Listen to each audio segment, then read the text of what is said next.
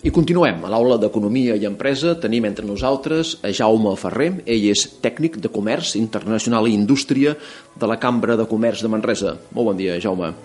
I el tema que ens, i el tema que ens presentes és el d'Amazon com una oportunitat o bé com una amenaça davant el petit comerç petit comerç que es veu amb necessitats d'internacionalitzar-se, de, de fer arribar el seu producte doncs, a altres mercats exteriors, també interiors, més llunyans, i això doncs, eh, un, un mitjà pot ser Amazon, però alhora pot ser una amenaça. Ens ho pots enquadrar, aquest, aquest tema? Bé, aviam, Amazon eh, suposo que tothom ho coneix i tothom ha fet algun experiment comprant Amazon i segurament ha quedat gratament sorprès perquè el que és la mercaderia doncs arriba bé arriba puntual, no hi ha problemes amb retorn, una logística excel·lent, bé, vull dir, normalment sol ser una bona experiència i fiable. Doncs bé, eh, les xifres del que és el comerç electrònic respecte al comerç global, el comerç minorista, doncs es van incrementant. Es van incrementant dia rere dia, i, per exemple, als Estats Units ja es calcula que el 40% de tot el comerç electrònic hi ha als Estats Units, que és una xifra, una xifra més que considerable, doncs eh, és mobilitzat a través d'Amazon. Eh, països on la xifra de comerç electrònic la, la xifra de comerç electrònic és molt rellevant, doncs, per exemple, el Regne Unit. Una empresa que es plantegi distribuir els seus productes al Regne Unit en algun moment s'haurà de preguntar el tema del comerç electrònic entraria dintre de la nostra estratègia, sí o no, i per què.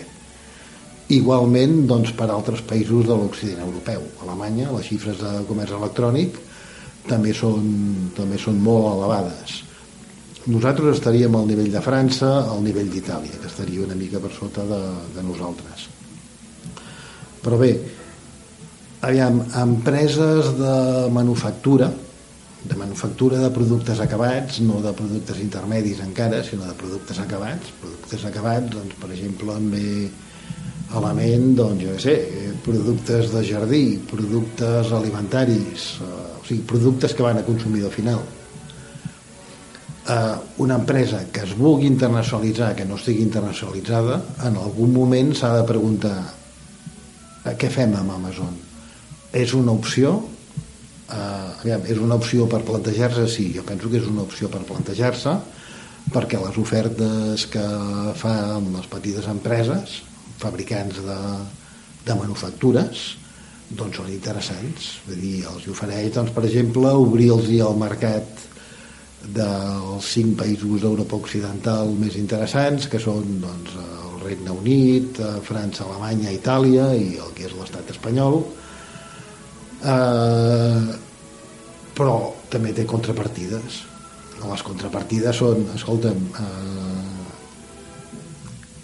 si tu et queixaves de la gran distribució perquè et feien el tracte, un tracte dur en el sentit de que tu per estar molt lineal havies de pagar amb el tema de logística no podies fallar doncs amb el tracte amb Amazon encara és més encara, aviam, encara és més exigent. Tu amb logística no pots, no pots, no pots fallar. Si tu tens alguna fallada de logística perds visibilitat dintre de la plataforma. Uh, però també hi ha un problema. Si el producte resulta que es ven molt bé que té molt èxit aleshores diguem Amazon s'ho pot agafar com seu i ho pot d'alguna manera subcontractar la seva fabricació amb una altra que li ofereixi millor preu.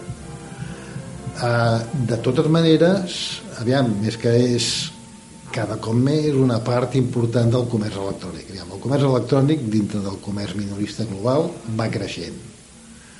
Va creixent i té la, influ la seva influència, les seves interferències entre el que és el món real i el món, i el món del comerç electrònic.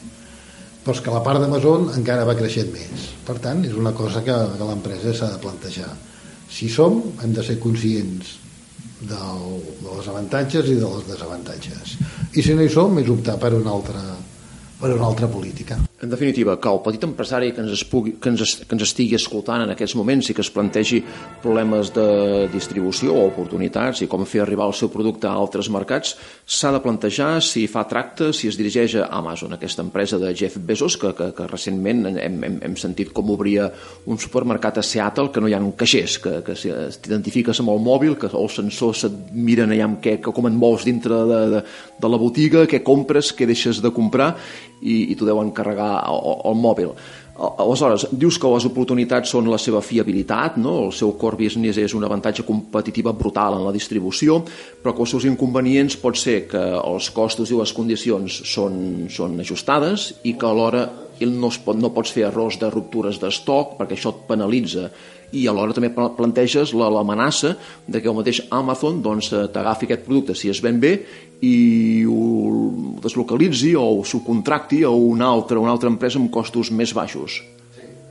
No obstant, això eh, és, és real, això, perquè, esclar, una, una empresa té el seu, el seu avantatge competitiu en un aspecte molt concret. Mm, creus que pot, que, que pot diguem, deixar d'especialitzar-se i anar a altres, a altres sectors que, que no domina tan bé? A dintre de l'estratègia de comercial de l'empresa, eh, i dintre de l'estratègia d'internacionalització avui és un sí o sí plantejar-se què fem amb el comerç electrònic. Si entrem, si juguem o si no juguem. I si et planteja jugar-hi doncs el tema d'Amazon tu has de plantejar. Tant per sí o com per no. Però no solament t'has de plantejar el tema d'Amazon també doncs t'has de plantejar el tema aviam, com figurem nosaltres amb l'altre aparador Avui, diguem, hi ha dos aparadors principals en el món digital quan parlem de comerç. El tema d'Amazon per productes, però després el tema de visibilitat en el que són els buscadors. Els buscadors, o sigui, el senyor Google, que té el 95% de les recerques que es fan a l'estat espanyol i que pràcticament es fan a tota l'Europa occidental, és el primer aparador on nosaltres anem a buscar informació proveïdors d'informació, proveïdors de, també de productes i proveïdors de, de serveis i proveïdors de serveis locals. Són dues coses que s'han de plantejar a l'empresa. Aprofito per fer aviam, una mica de publicitat. A la Cambra de Comerç ten, tenim un programa que es diu Expande Digital. En aquests moments està finançat amb fons europeus. S'ha d'obrir una nova convocatòria per 2018 que segurament donarà per incorporar vuit empreses, encara s'han de s'han de fer els números bé i han de ser aprovats en aquest cas per un organisme de Madrid. Tot passa per Madrid. Tot el tema de Unió Europea encara passa per Madrid. I que el que ofereix és un assessorament amb estratègia digital a les petites i mitjanes empreses un assessorament que pot passar des del plantejament de la seva web fins al plantejament a les xarxes socials i el plantejament de comerç electrònic. Uh, aquest assessorament per l'empresa és gratuït. I després de les activitats que se'n derivin d'aquest assessorament, que segurament s'hauran de fer canvis a la pàgina web, segurament s'haurà de portar una política de xarxes socials o s'haurà d'invertir en, en publicitat amb, amb el sistema AdWords o amb el sistema que sigui. Doncs això és subvencionable jo espero que sigui amb un 40% amb una sèrie de amb una sèrie de limitacions. Uh, bé, és una opció per petites empreses que es plantegin la seva presència digital i la presència digital és molt important, és important, és bàsic, on vas a, a tu a buscar com et dones a conèixer el món a la gent que no el coneix. Doncs, bueno, amb una presència digital. I la presència digital varia molt de país a país perquè això d'internet encara és llenguatge. I a França s'hi tenen en francès, a Alemanya amb alemany i al Regne Unit amb anglès i a Itàlia amb italià. Vull dir, encara és llenguatge i el llenguatge té les seves especificitats nosaltres el que podem assessorar és en màrqueting digital internacional, o sigui, fet en altres països. Uh, però bé, qualsevol empresa que, que es plantegi vendre fora t'ha de plantejar què fem amb la nostra presència digital. Mm -hmm. Aquest programa de màrqueting digital eh, que és plantejat gratuïtament o subvencionat eh, quan hi hagi alguna... És un programa de fons europeus. El fons europeu és el FEDER, el Fons de Desarrollo Regional un fons europeus que està repartit per tota Europa. I que canalitza i porta a terme la Cambra de Comerç de Manresa. Està dirigida um, a comerços uh, finalistes, és a dir, que tenen contacte, que venen al consumidor final, o també, és a dir, el business to consumer, o també empreses de productes intermedis? El productes inter... Aviam, bàsicament, les empreses que tenim incorporades amb l'edició d'aquest any eh, n'hi han de béns de consum, n'hi han de, de béns industrials, productes intermedis, eh, però bàsicament, aviam, la nostra vocació és treballar amb empreses industrials. Per què?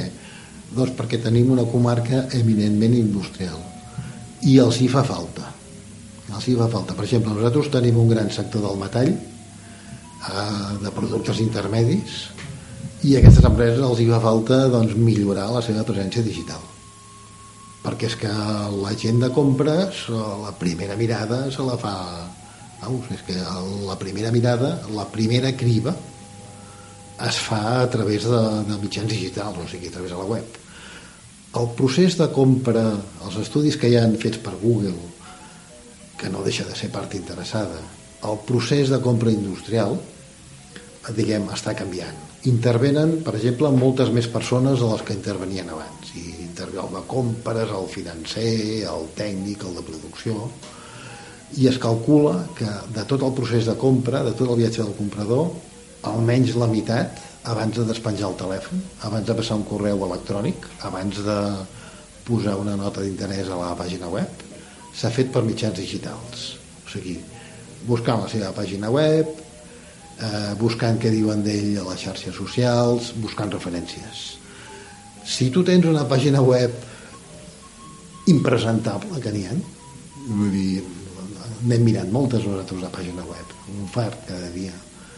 Eh, quan, si tu tens una, una pàgina web impresentable, antiquada, sense les dades de contacte, sense explicar qui som, sense explicar quins productes fem, sense, sense donar referències de quin tipus de clients tenim, doncs ja, ja, ja ho tendeixes a, diguem, a, a posar-hi una creu.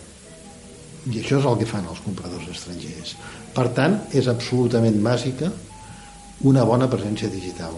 Aquí jo he vist bones empreses, fiables, grans, i que el nivell de la seva presència digital no dona, aviam, no està al nivell real de l'empresa.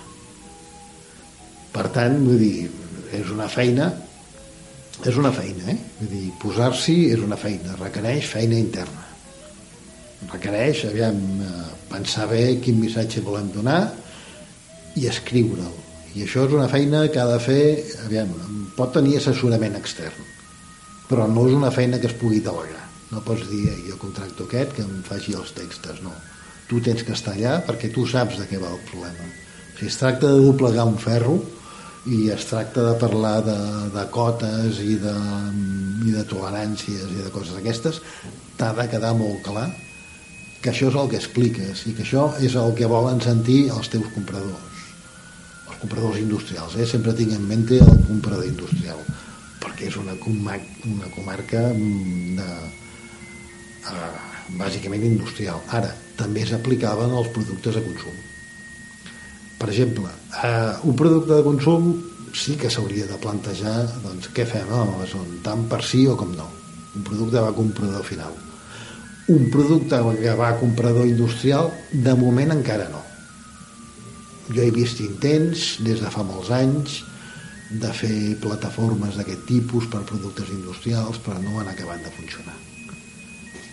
Plataformes, mercats virtuals, no? Vull dir, no, no, no, han, no, no han reeixit però sí que s'ha de tenir aviam, una web i una estructura en, en condicions per exemple una de les coses que s'han de plantejar a les empreses industrials aviam, la plataforma LinkedIn la xarxa social LinkedIn que l'ha comprat Microsoft eh, aquests fan feina de no surten tant a l'aparador, però bueno, no deixa de ser una gran potència.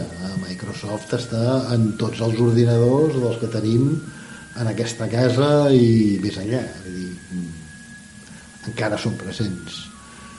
Doncs aquesta gent eh, doncs tenen el, incorporats dintre de la seva casa el perfil del que són els caps de compra mm, o són els caps de màrqueting o els caps de vendes de, de pràcticament totes les indústries. Ho tenen incorporat dins dels seus perfils. Doncs bé, aquesta gent tenen opcions premium que tu pots fer recerques mmm, pràcticament a tot el món per exemple, hi ha indústries eh, com per exemple l'automoció. L'automoció, aviam, identificar qui és el comprador no és difícil. El que és difícil és identificar i, i com acostar-se a la persona o a les persones que decideixen. Doncs bé, la plataforma aquesta pot servir per identificar aquestes persones i per acostar-s'hi. I té opcions premium que per empreses del sector del metall doncs són interessants mm -hmm. Doncs agraïm les reflexions que ens ha fet Jaume Ferrer, tècnic de Comerç Internacional i Indústria de la Cambra de Comerç de Manresa, a l'entorn del posicionament digital de les empreses, del comerç electrònic i també de la possibilitat, reptes, amenaces, punts forts, punts febles, d'optar per la col·laboració amb Amazon, aquesta plataforma estrella, mm, per tal de fer arribar els seus productes a mercats eh, més llunyans. Gràcies per la teva presència Moltes i gràcies a vosaltres.